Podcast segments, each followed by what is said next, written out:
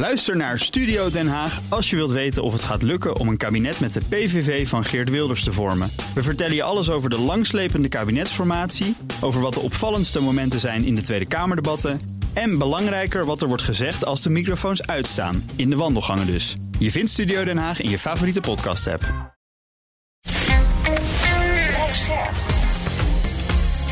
BNR Nieuwsradio. Boekenstein en de Wijk. Hugo Reitsma. Erstmal die Fakten. Vergelijkend onderzoek van Autobild, het Duitse topgear, naar het beste dat Duitse techniek te bieden heeft. Der Porsche 997 De Turbo. 9 GFF G-Tronic 1200 geüpgrade Porsche 997 Turbo. 1200 PS. 1200 paardenkrachten, 1150 Newtonmeter koppel, 0 tot 100 in 2,8 Stolze seconden. 375 km/h. Und das hier ist der Leopard 2. Versus de Leopard 2 gevechtstank. 1500 paardenkracht, 4700 Newtonmeter, Gewicht van 62 ton 62 zwaar. Behalve de maximumsnelheid, maar het is dan ook een diesel, de duidelijke winnaar. Leopard. Der Leo. Oorsprong door techniek. Duitsland. Altijd paardenkracht genoeg. Maar de wegligging, dat laat wel eens de wensen over. Want krijgt Oekraïne die gevraagde Leopards... en neemt Duitsland de leiderschapsrol in Europa? Welkom bij Boekenstein en de Wijk. Op zoek naar de nieuwe wereldorde. Met, we hebben de verbindingen weer kunnen leggen naar Frankrijk. Daar zit de Wijk. Boekenstein gezellig Ja. bij mij in de studio. En vanuit Frankfurt, Hanko Jurgens van het Duitsland Instituut... onderzoeker van de moderne Duitse geschiedenis in Europees perspectief. Welkom, Hanko. Goedemorgen. Hoe lang zit Berlijn nou al te hannesen over die Leopards? Ehm, nou, eh, over de Leopards, ik denk zo sinds mei. Want in mei heeft Spanje voorgesteld om eh, eh, eerst 50, en het werden er steeds minder. Maar in ieder geval een aantal Leopards eh, naar Oekraïne te sturen. En daar hebben ze toestemming voor nodig van het land dat het geproduceerd. en dat is dus Duitsland. Maar het loopt al langer eigenlijk. Het is heel interessant. De Oekraïense minister van Defensie klaagt al sinds december dat Duitsland voortdurend op de rem staat. Dat ging over javelins. Ik hoop dat ik het goed uitspreek. Volgens mij wel, Die door ja. Estland geleverd werden.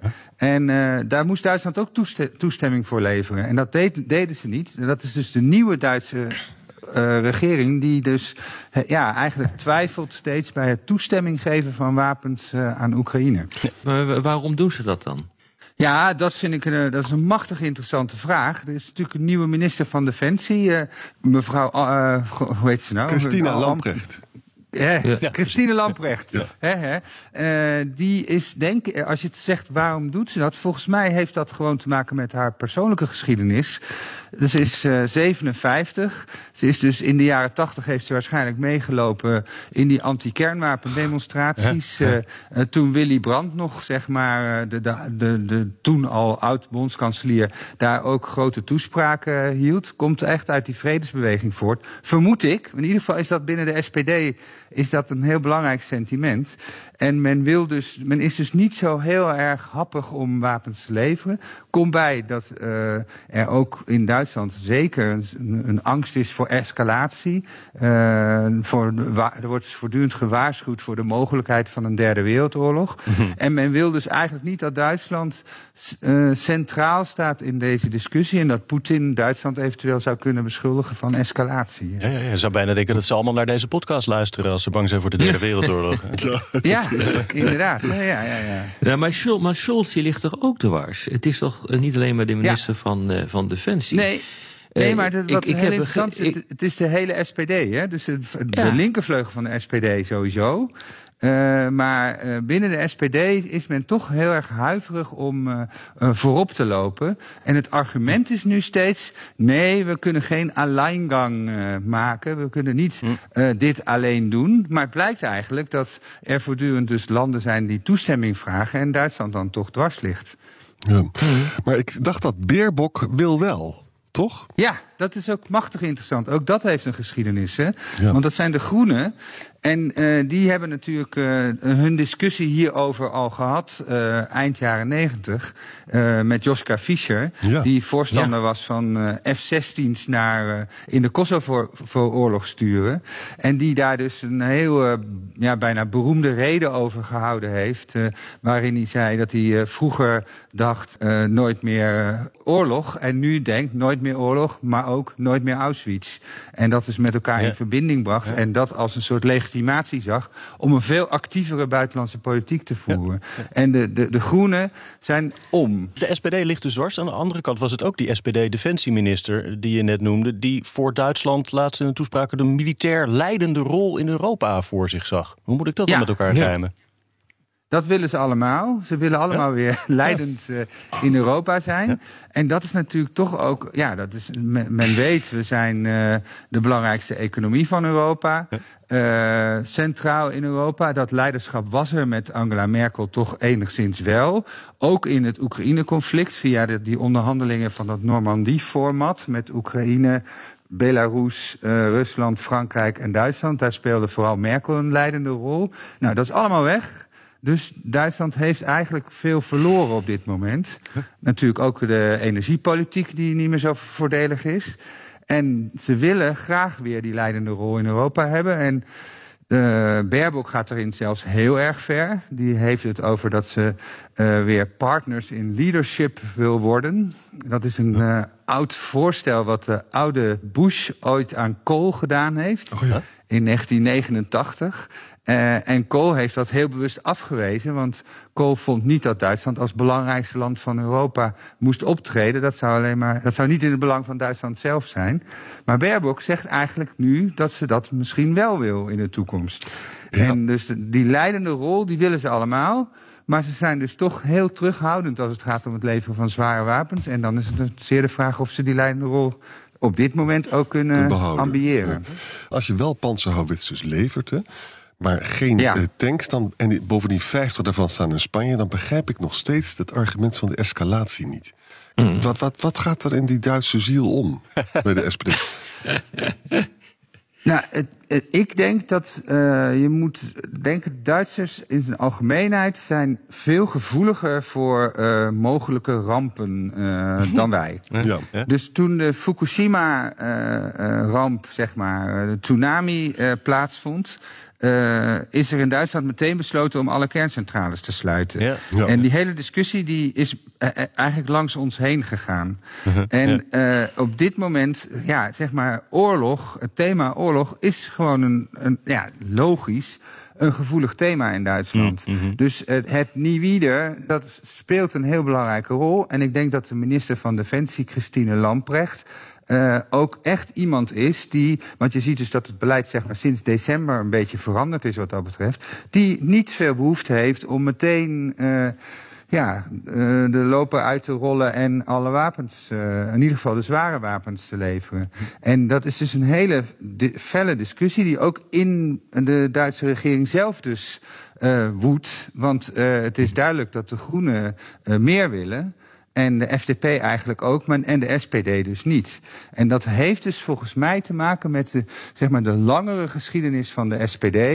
Die, zeg maar, de, de Oostpolitiek uh, van Willy Brandt hebben ze meegenomen. Ze hebben natuurlijk meegenomen mm. dat uh, Schreuder tegen de Irak-oorlog was. Een terechte keus. Daar moeten we ook echt bij stilstaan. Schreuder mm -hmm. heeft een hele hoop rare mm. dingen gedaan. Uh, vooral nadat hij kanselier was.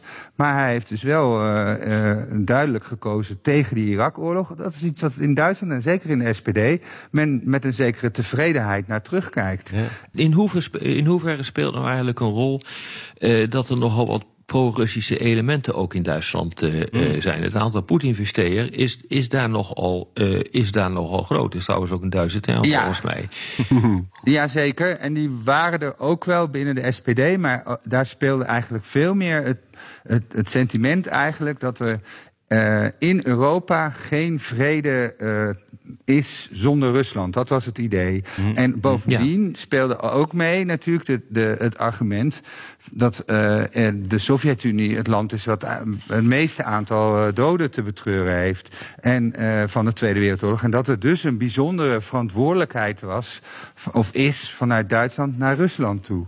En het probleem wat zich daarbij voordoet is natuurlijk dat Oekraïne zegt, ja, ho eens eventjes, ja. er zijn ook heel veel uh, slachtoffers ja. in Oekraïne. Ik bedoel, dat is deel van wat Timothy Snyder de Bloodlands noemde. En waarom zou er dan een uh, speciale verantwoordelijkheid zijn naar Moskou en niet naar Kiev?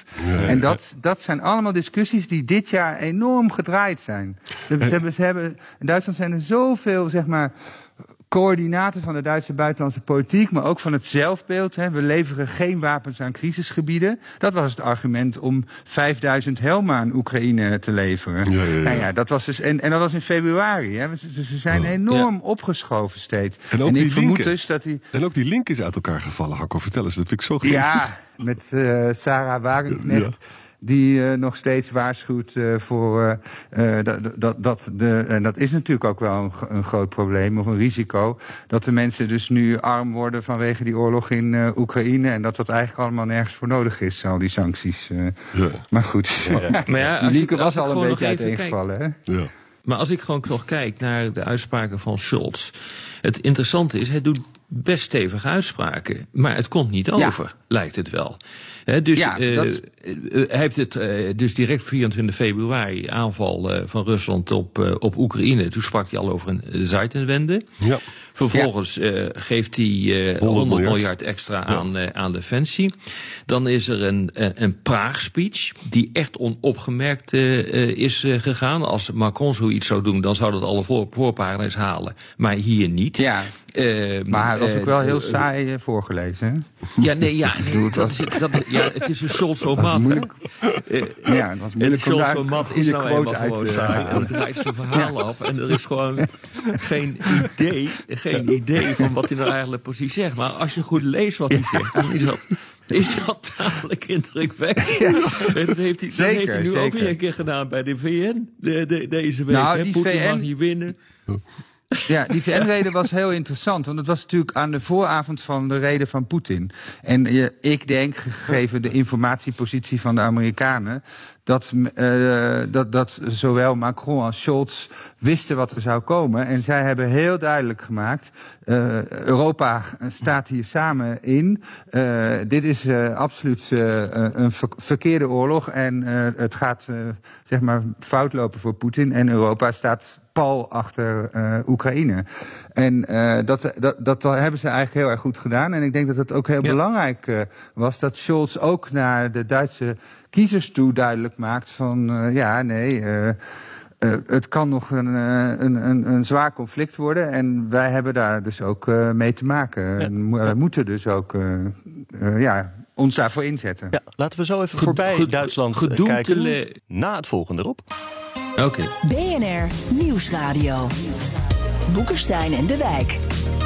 Op zoek naar de nieuwe wereldorde. Dit is Boekenstein en de Wijk. En dat programma is natuurlijk niet zonder Arjan Boekenstein en Rob de Wijk. Mijn naam is Hugo Reitsma en onze gast is Hanko Jurgens van het Duitsland Instituut. We hebben al een hoop uh, wapens langs horen komen in onze uitzending. Zoals dat natuurlijk ook hoort. En die roep om zware wapens die zwelt eigenlijk aan na dat succesvolle Oekraïnse tegenoffensief. Valt mij ook op dat mm -hmm. de escalatie van Poetin van deze week eigenlijk gewoon wordt gezien door veel landen als een teken van zwakte. Het gaat goed, even doordouwen. Nu hebben we bijna gewonnen. Is dat in Duitsland ja. ook zo, dat effect, uh, Hanko? Dat is in Duitsland niet helemaal het gevoel, volgens mij. In Duitsland speelt vooral, in, in, alle discussies speelt dat het een zware winter wordt. En dat de kosten ja. van de energierekening uh, uh, veel te hoog is. En heel interessant, wat bijvoorbeeld ook uh, nu speelt, is dat Russische deserteurs, die moeten in Duitsland opgevangen worden. En Ah. dat is dus een, een, heel duidelijk nog dat mensenrechtenperspectief wat daar ook bij komt kijken. Mm. Ook daar was de Oekraïense ambassadeur André Melnik weer heel kritisch over. Want hij vindt dat Russische deserteurs in Rusland moeten blijven. om uh, ervoor te zorgen dat Poetin valt. Uh, en niet om zeg maar een, Oh, een ja. mooie zonne, zonnige vakantie in Europa uh, te hebben. maar dus dat is een beetje het sentiment. En ik geloof niet dat het meteen gedacht wordt dat er een snelle overwinning komt. Dat is volgens mij, zeg maar, dat, een beetje dat heroïsche, dat zit gewoon minder in het Duitse discours. En dat is ook wel logisch. Ja. Ja, het is wel opmerkelijk hè, hoe Nederland en, uh, en, en Duitsland daar toch echt verschillend zijn. Want ik denk dat Arend Jan absoluut uh, gelijk heeft. Uh, ik bedoel, ik heb ook tig journalisten aan de, aan de lijn gehad die allemaal zeiden van... Nou, wat, wat is hier nou aan de hand? Uh, Oekraïne is toch aan het winnen. Hè? Dus een don deel, ze zijn zo klaar. En ik, ik nou, begrijp gewoon die totale naïviteit niet uh, in dit uh, land. En zeker niet na die speech van, van Poetin. Waar hij, waar hij de NAVO, dus ook inclusief Duitsland, volledig verantwoordelijk houdt voor de situatie die daar ontstaat. is. En ook en passant nog even dreigt met de inzet van kernwapens. Het, ja. het, uh, de, de, vind jij die, die discussie in Duitsland? Hè? Ik begrijp echt heel goed die worsteling van Duitsland. Uh, ze zijn pacifistisch geworden na de Tweede Wereldoorlog. Een van de weinige landen met uh, Japan waar een echte omslag heeft plaatsgevonden van de politieke en strategische cultuur. De strategische cultuur, hoe denk je over de inzet van kernwapens? Daar word je nu mee geconfronteerd. Hè, dat mensenrechtenperspectief is ontzettend belangrijk. Je wordt ermee geconfronteerd omdat je nu geconfronteerd wordt met een oorlog in, in, in, in Europa. En daar moet je wat mee. Uh, het lijkt wel of Nederland dat gewoon eigenlijk van zijn bordje aan het schuiven is. Zoals vrijwel alle problemen die er zijn in Nederland. Dit kan je dan net niet over de schutting kiepen van gemeentes. Want het speelt buiten Nederland af. Maar als we dat zouden, kunnen, als we dat zouden kunnen doen in Nederland, zouden we dat ook nog een keer doen. Uh, kan, jij, kan jij die twee discussies duiden? Dat grote verschil wat er is. Nou, ik denk, eh, ja, om eerlijk te zijn, Nederland uh, is net zo groot als Noord-Rijn-Westfalen. Dus uh, Noord-Rijn-Westfalen heeft meer inwoners uh, dan Nederland. Hmm. En dat vergeten we wel eens. Dat is gewoon een Duitse deelstaat. en dus Nederland heeft veel in te brengen, trouwens ook in de Europese Raad. Uh, maar als het erop aankomt, heb ik wel eens het gevoel dat we ook wel een aantal dingen langs ons heen gaan. Omdat we uiteindelijk toch niet die verantwoordelijkheid uh, hmm. hoeven nemen. En ons toch achter, dan wel achter Macron, dan wel achter Scholz of Biden kunnen schuiven, verschuilen. Hmm. En, uh, dus, en wat denk ik ook heel erg belangrijk is, is dat een, een, aantal Nederlandse ministers, Hoekstra zeker, Rutte ook, erg op uh, de hand van Amerika is. Dus altijd toch die mhm. Amerikaanse lijn meteen uh, zal volgen. Uh, terwijl ja. Duitsland is toch Midden-Europa. En Duitsland heeft heel sterk het idee gehad, na de val van de muur zijn we omringd door negen be bevriende buurlanden. Mhm. En dat wordt ook echt nu gezegd. Ho, dat perspectief is veranderd. En uh, Poetin is, ja, voor Rusland ligt echt dichtbij. Veel dichterbij ja. uh, dan bij ons. Ja. Alleen al ook door al die Rusland-Deutsche die in, in, veelal in Oost-Duitsland wonen. Uh, en ook zeg maar het perspectief van Duitsland tussen Rusland en de Verenigde Staten in. Ja, dat perspectief is natuurlijk nu ook heel duidelijk gewijzigd. Want, ja, ze moeten nu gaan leiden, dat, ja. ja. Ik vond het ook wel een mooie frase die ik hoorde. We zijn gedoemd te lijden. En ik denk dat dat ook zo is. En als je Scholz ja. hoorde, een paar dagen geleden eigenlijk.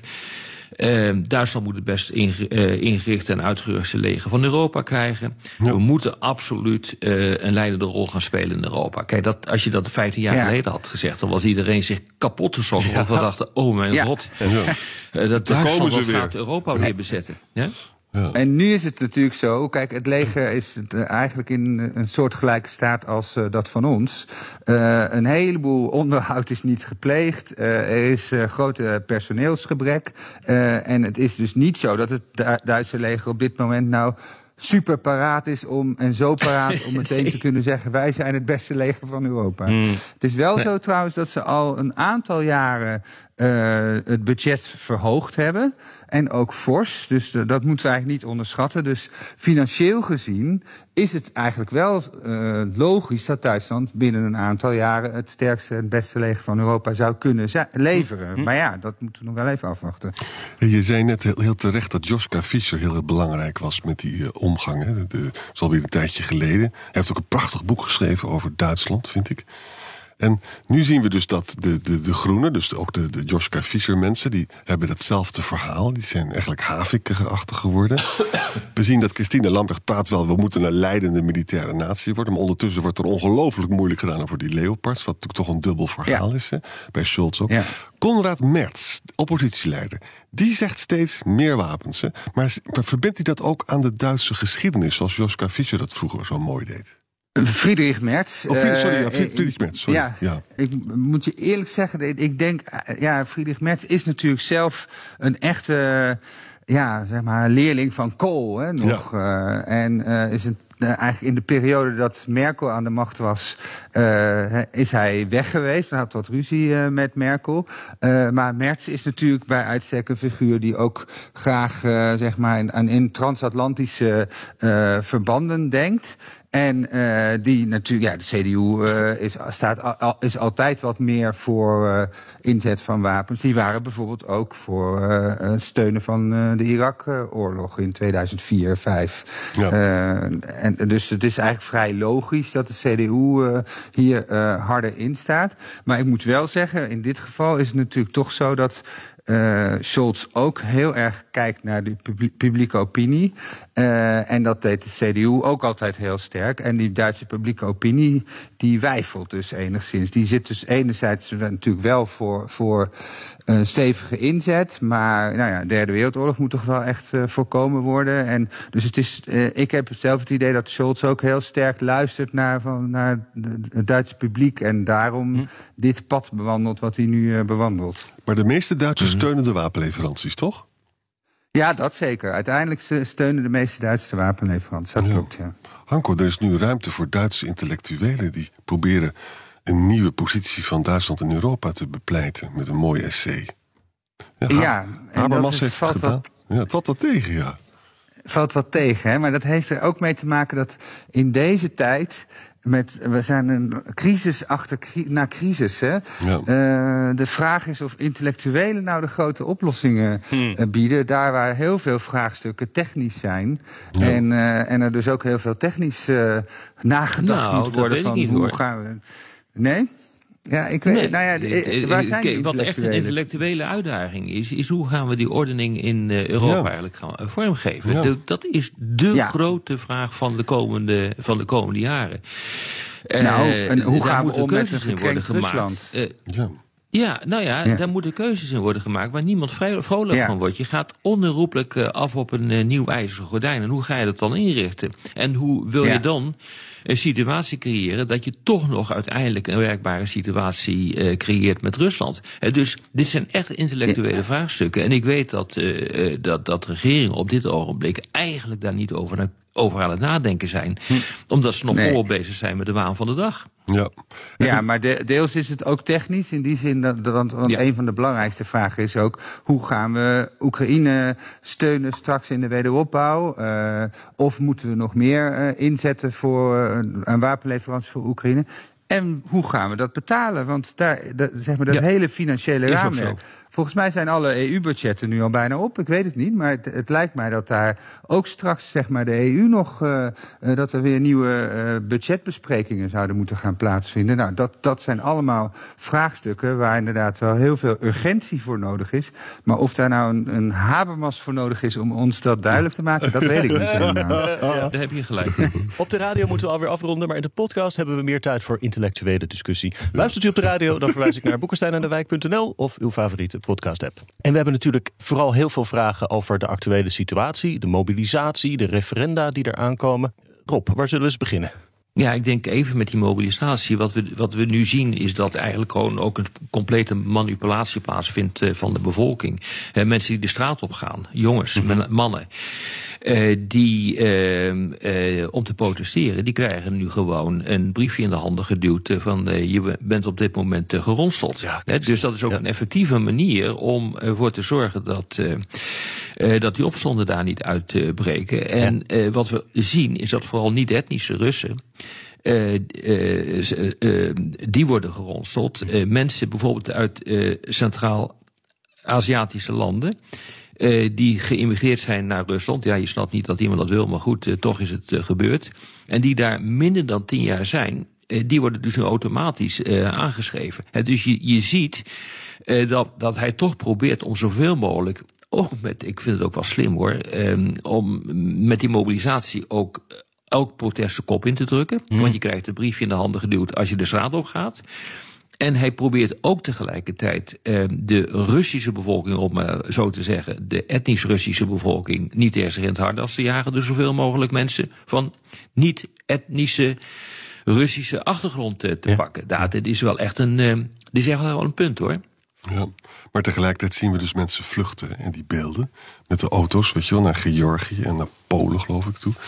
Dat is ook een niet erg prettig PR-punt. Nee, maar dat zijn er wel heel weinig, uh, Jan. Dat, dat weet ik heb je natuurlijk absoluut maar beeld, het beeld is vreselijk natuurlijk. Hè? Het, ja. Zeker. En wat ook belangrijk is, van dit zijn niet getrainde troepen, hè, jongens. Dat, zijn, uh, dat betekent dus, dat hoeft niet het verschil te maken op het slagveld. Ze hebben dus echt aanvalstroepen Nee. nodig. Hè? Nee. wat vind jij ervan? Nou, uh, ik vind het eigenlijk wel interessant. De afgelopen half jaar hebben we heel vaak gehoord dat Poetin iets niet begrepen heeft of uh, onderschat. Nou, Ja. daar ben ik niet van. Want ik heb het idee dat uh, Poetin als oud geheim agent heel goed weet hoe de hazen lopen. Maar ook vooral heel goed is in propaganda. En toch ook heel veel dingen goed heeft ingeschat. Maar hier denk ik toch dat hij echt een fout maakt. In die zin dat een zomaar een mobilisatie van grote groepen mensen volgens mij niet meer van deze tijd is. Op dit moment zit niemand daarop te wachten. En uh, de mannen die gemobiliseerd worden, alleen al, we zien dus nu voortdurend allemaal filmpjes hè, van uh, mensen die het huis uitgehaald worden, zo ongeveer. En de moeders die daar boos op het, uh, hek staan, bij het hek staan om te zeggen dat dat zo niet kan. Straks worden die, gaan die jongens ook nog, als ze aan het front zitten, gaan ze filmen wat hun ervaringen zijn.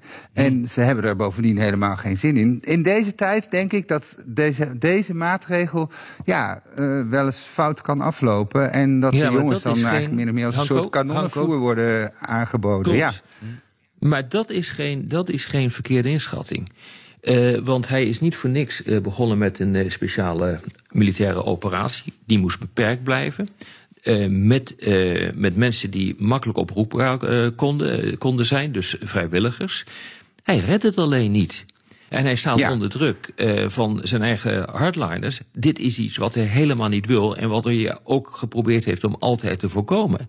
Maar wat hem nu gewoon wordt opgedrongen. Dus dat is niet een, een, een, een misinschatting. Hij wist dit verdomd goed dat dit zou gaan gebeuren. Maar hij kon niet anders omdat het zo slecht gaat. En de misinschatting zit hem eigenlijk helemaal in het begin van, eh, eh, van die speciale militaire operatie. Namelijk, hij is met te weinig troepen erin gegaan. Omdat hij dacht van een derde van eh, de eh Oekraïnse troepen zal overlopen. En dan red ik het wel. Nou, dat is gewoon niet gebeurd. Dat is een fa- falikante, fatale misinschatting geweest van ook de Russische inlichtingendiensten. Ondanks dat hij een ex-KGB'er is.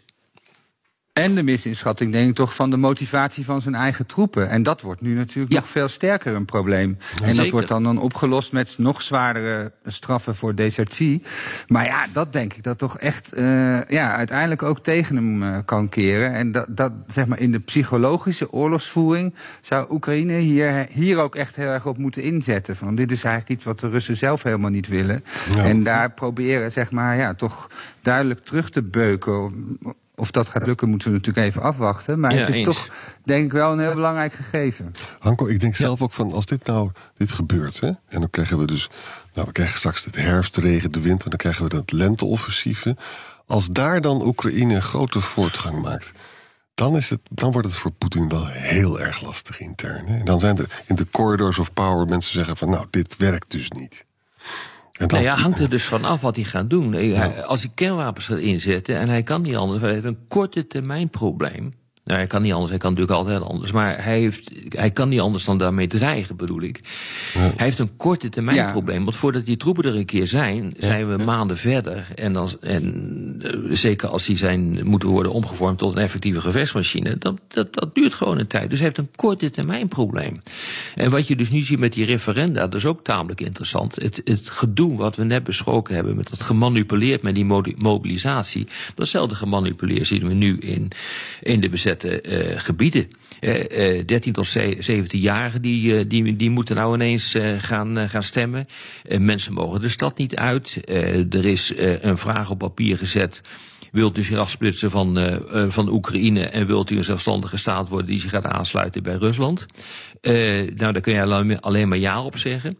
Eh, hier wordt totaal gemanipuleerd. eh, om ervoor te zorgen eh, ja, dat zoveel mogelijk mensen daar dus gewoon ja op gaan, eh, gaan zeggen. Dus dit is echt wel foute boel wat hier gebeurt hoor, op dit ogenblik. Maar stel erop dat hij het doet, hè, een tactisch kernwapen op het slagveld. De, de, de Oekraïnse troepen zijn heel erg verspreid, dus het heeft ook niet een direct militair effect. Iedereen schrikt zich dood. En stel je voor dat dat militair niet zo'n grote impact heeft. Dan heeft hij die kaart ook verspeeld. Hè? Ik zit gewoon even te brainstormen. Dat, wat het allemaal... dat, dat, is ook is- zo. Dat is ook zo. Maar Hij is alle bondgenoten kwijt, hè? Dan. Ja, het ook dan. Ja, ook dat. exact. exact. Ja, hij is ook China en India kwijt. Dus het- Ja, maar dat, zal lijkt hem een Kijk, dat kan hij op termijn wel repareren. Dat, ik hoorde het ook continu van, van collega's die roepen van... China en India die zullen dat niet toestaan. Met name China. Ja, het zal wel. Maar wat hij, wat hij helemaal niet kan toestaan... is dat hij onderuit gaat in Oekraïne. Hmm. En, eh, en eh, dat is niet te repareren. Ja, maar En de relatie met China is altijd te repareren. Het, ik heb wel twee dingen. Eén is, het, het onderuitgaan in Oekraïne is relatief, want het is nog steeds niet echt het oorspronkelijke Russische grondgebied wat er onderuit gaat. En het is, het is nog heel ver weg voordat Zelensky überhaupt de Krim zou kunnen terugveroveren. ik denk Klopt. dat dat eigenlijk ook eh, ja, te hoog gegrepen is. Maar iets anders is dat het dreigen met kernwapens, dat zie ik wel als een heel belangrijk wapen eigenlijk. En met name voor het Duitse publiek. Want Duitsland is doodsbenauwd voor kernwapens. zeker, En dus die dreiging, als die dreiging. eh, Hij hoeft eigenlijk alleen maar eh, in de zee van Azov een, het kleinste kernwapen wat er bestaat tot ontploffing te brengen. Om een hele gro- grote groep Europeanen, maar zeker dus Duitsers, Absoluut. bang te maken voor een, eh, voor een, eh, de, een escalatie van de oorlog. En dat zijn volgens mij dingen waar hij zich heel goed. Dat realiseert hij zich ook heel goed. Eh, hoe die zeg maar die, dat, dat Europese publiek kan manipuleren. Dus ik ben eigenlijk meer, Ja. minder bang voor de inzet van kernwapens, maar wel voor het kernwapen als wapen, zeg maar, als dreiging voor Europa. Hey, we hadden nog wat vragen over Duitsland en Europa. Zullen we er daar nog een paar van doen? Ja, doe Ehm, Jan Pieter bijvoorbeeld, die vraagt... hoezo zou Duitsland of welk land ook leiderschap moeten of kunnen tonen in de EU? Hadden we daar niet juist al die instituties voor opgedacht... om te voorkomen dat een land het overwicht krijgt in Europa? Dat vind ik een hele leuke vraag. Want het interessante is dat Duitsland al die instituties heeft opgebouwd. min of meer om de macht te Ja. delegeren aan die instituties. Ja. Eh, maar om dan, dan toch binnen die instituties vaak eh, de, de belangrijkste speler te zijn. Eh, alleen in de Europese Centrale Bank hebben ze dat niet zo goed gedaan. Want daar heeft iedere bankpresident één stem. Maar in bijna alle andere gremia heeft Duitsland juist via die instituties heel veel macht. Ja. En dat betekent natuurlijk zo, ook, ook al heb je dus een Europese hybride structuur die we hebben, er, er zijn altijd, eh, eh, macht bestaat altijd. Hè. Interna- Internationale krachtenverhoudingen bestaan. En Duitsland is om die reden ook een ontzettend belangrijk land. Vandaar gedoemd tot leiderschap. Ja. Die macht die raak je gewoon niet kwijt. En, en heel lang was Nee. Duitsland het zaalmeester en was bereid om alles te accepteren, al elke Franse grappenmakerij. Die tijd is natuurlijk ook voorbij nu. Hè? Zeker met die. met Ja, dat is ook interessant. Ja. en, en daarom krijgen Maar we ook dus, even de werking van de Europese Unie zelf, jongens. Eh, waar het uiteindelijk om draait, is dat de macht ligt bij de Europese Raad. En daar zitten toevallig de staatshoofden en regeringsleiders in van de Exact. Europese landen. En als eh, Duitsland en Frankrijk een deal maken, en daarom is hij als eh, eh, Berlijn-Parijs zo buitengewoon eh, belangrijk. Als die een deal maken, dan kan de rest hoog of laag springen, maar dan gaat het gewoon gebeuren. ja, Ja, daar ben ik niet helemaal mee eens. Want eh, bijvoorbeeld de afschaffing van het veto, dat willen Duitsland en Frankrijk. Maar ik Ja. kan me niet voorstellen dat Hongarije of Cyprus, eh, er zijn allerlei landen, niet. misschien zelfs Dat ook klopt. Nederland, die dat niet willen. En dan kan, gaat het ook niet door. Dus er zijn, Ja, er zijn nee, ook wel degelijk beperkende factoren. Ja, ja, Klopt, ja. ja. maar dat Dus zijn dat wijzigingen van het verdrag. En dat is een andere discussie. Dus waar het nu eh, om gaat, is bijvoorbeeld eh, het beleid ten aanzien van Oekraïne of het beleid ten aanzien van Amerika. Eh, dus die grote beleidsvraagstukken, eh, dat wordt die uiteindelijk worden gewoon door- wordt het voorgesteld door de commissie en Ja. eh, afgehamerd in de raad. ja. ja, en Gesproken van die, eh, die as Berlijn-Parijs, nog een vraag van Wishmaster. Die, die wil weten, Mhm. accepteert Frankrijk Duits leiderschap? Zijn die er al aan toe? Nou, dat is voor de Fransen heel lastig, maar het is wel volstrekt duidelijk. Nou, weet je, het interessante is, dat had ik aan Hanko willen vragen. Hanko, de Duitse export is aan het afnemen door die ellende in China. China is heel belangrijk voor Duitsland. Duitsland Ja. heeft het meeste last van de energie. We krijgen dus een, een, een onnatuurlijke situatie even weer. Dat we een soort nieuwe zieke man van Europa hebben. Dat heet misschien wel Duitsland. En dat maakt dus die Frans-Duitse arts gek genoeg weer wat soepeler. Klopt dat, Hanko, wat ik nu zeg? Dat, Nou, dat zou kunnen kloppen, maar ik moet je eerlijk zeggen dat ik een beetje sceptisch ben over. Uh, er wordt heel vaak gezegd dat er dus uh, die, die Duitse economie, uh, dat, dat er iets niet goed is. De auto-industrie loopt altijd compleet achteraan. Hè? Dus we hebben de, de, de hele elektrificering van alle auto's gemist. Uh, maar uiteindelijk blijkt dan toch weer aan het einde van het jaar uh, dat Volkswagen nog nooit zulke hoge cijfers heeft gehad. Hm. Dus dat, daar ja. moet je wel zeggen, het is wel zo dat dat natuurlijk de export hapert en dat vooral de energievoorziening ja. uh, nu een heel groot probleem kan worden. en als dat zo is, kijk, het is nu wel in die zin wat betreft energie is Duitsland voor het eerst afhankelijk van andere landen. Die uh, mee moeten helpen om Duitslands uh, oplossingen uh, te, te, realiseren. maar uiteindelijk denk ik, ja, is het toch gewoon zo dat Duitsland de, niet alleen in Europa, maar ook uh, ten aanzien van Amerika. Hè, samenwerking met Biden, daar wordt heel erg in geïnvesteerd door Duitsland. Ja. En met name door Annalena Baerbock dus. En dat, dat, dat, we dat ook niet moeten onderschatten. Dat er via de VS Duitsland zijn macht toch ook wel uh, ja, kan, kan vergroten nog. Uh, ja. Dus ik maar maak nog me even daar terug niet naar zo die vraag. veel zorgen over. Ja? Nog even terug naar die vraag. Uh, realiseer je dat uh, de positie van Frankrijk ook behoorlijk is ondermijnd. Hè? Dus ja. uh, Macron die ja, heeft erg ingezet op, uh, op zijn goede relatie met Poetin. dacht, ik kan me wel ontpoppen tot vredestichter. Niet gelukt. je hoort van Macron heel erg weinig op dit ogenblik. Ja. alle, alle ballen liggen nu in Berlijn. En iedereen kijkt op dit ogenblik naar Berlijn wat die gaat doen. Maar Macron is niet zo'n speler meer op dit ogenblik. Kan wel weer komen, maar nu niet. Zeker. Ja, en wat ik een heel interessant voorbeeld vind, is Mal Mali, moet je geloof ik zeggen. Ja. Uh, Ja. Waar de uh, François Hollande een oorlog begonnen is. Uh, en waar, oh ja, trouwens, er was natuurlijk al uh, veel uh, loos, maar François Hollande heeft Frans leger naartoe gestuurd. begonnen. Een antiterreurorganisatie, Ja, ja, en- eh, operatie. en- ja. En dat was een hopeloze uh, opdracht. Toen is Duitsland erin gesprongen. Maar inmiddels is Frankrijk al lang weer weg. En is Duitsland nog Ja. in, Ma in Mali het land dus eigenlijk het achterland van Frankrijk. En dat is echt ongekend. Dat er dus Duitse troepen in Afrika nu dus uh, een belangrijke rol uh, spelen. En sowieso, punt. Afrika is heel, heel belangrijk voor Duitsland. Om, om te voorkomen dat er nog vlucht, meer vluchtelingen via Libië of andere plekken naar Europa komen. Want dat is natuurlijk ook een dreiging voor de Duitse politiek altijd. Misschien tot slot nog eventjes de vraag van Mark de Nooijer. Kan Poetin zijn dreiging met nucleaire wapens, het non-proliferatieverdrag, onder druk zetten? En kan dit ertoe leiden dat meer landen eigen kernwapens willen krijgen, met name Oost-Europa of Duitsland? Nou, die discussie heeft al gelopen in, eh, eh, in, Duitsland. Duitsland. Hanko, kan jij daar wat over vertellen? Nou, uh, ik geloof niet dat uh, men in Duitsland. Eigenlijk uh, wil men nog steeds die veiligheidsparaplu van Amerika, zeg maar, accepteren. En uh, echt zelf kernwapens hebben. Dat speelt volgens Nee. mij op dit moment niet, niet een rol. Op dit ogenblik niet, maar die heeft twee jaar geleden Nee. heeft die discussie wel degelijk gelopen. En dat is vrij snel de kop ingedrukt in, eh, in Duitsland. Precies om de reden die jij zei. Maar hij liep wel. En het was een volstrekt logische discussie.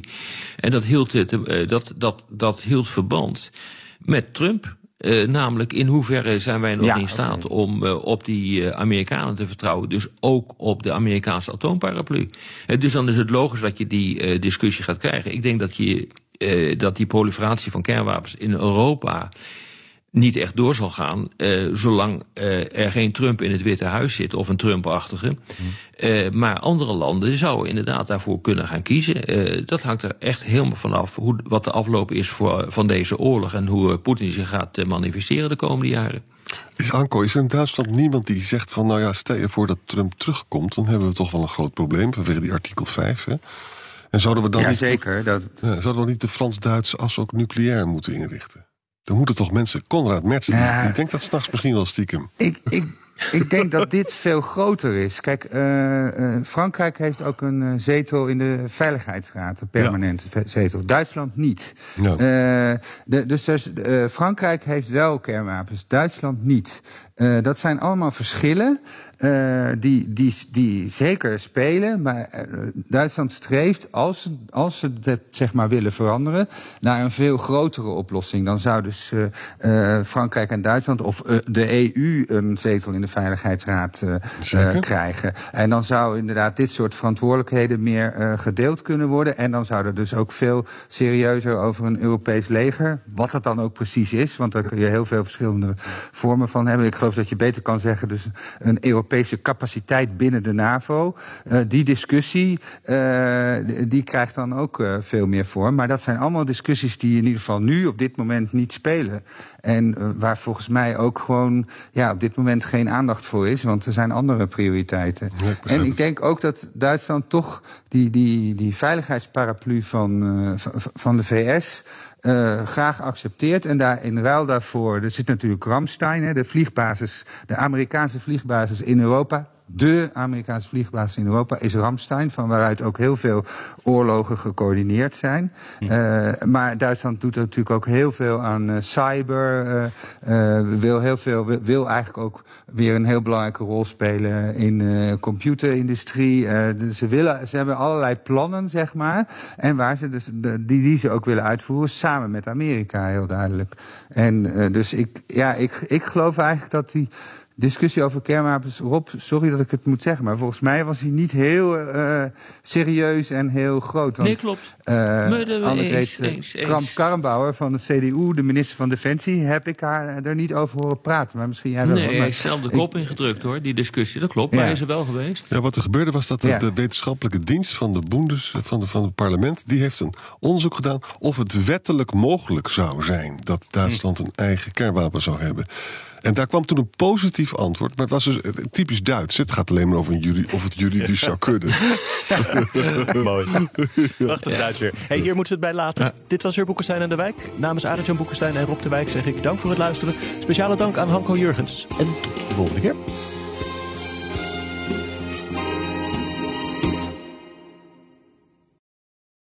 Ook Harm Edens vind je in de BNR-app. Je kunt BNR Duurzaam niet alleen live luisteren in de app, maar ook terugluisteren als podcast, zoals al onze podcasts. En naast dat de BNR-app Breaking News meldt, houden we je ook op de hoogte van het laatste zakelijke nieuws. Download nu de gratis BNR-app en blijf scherp.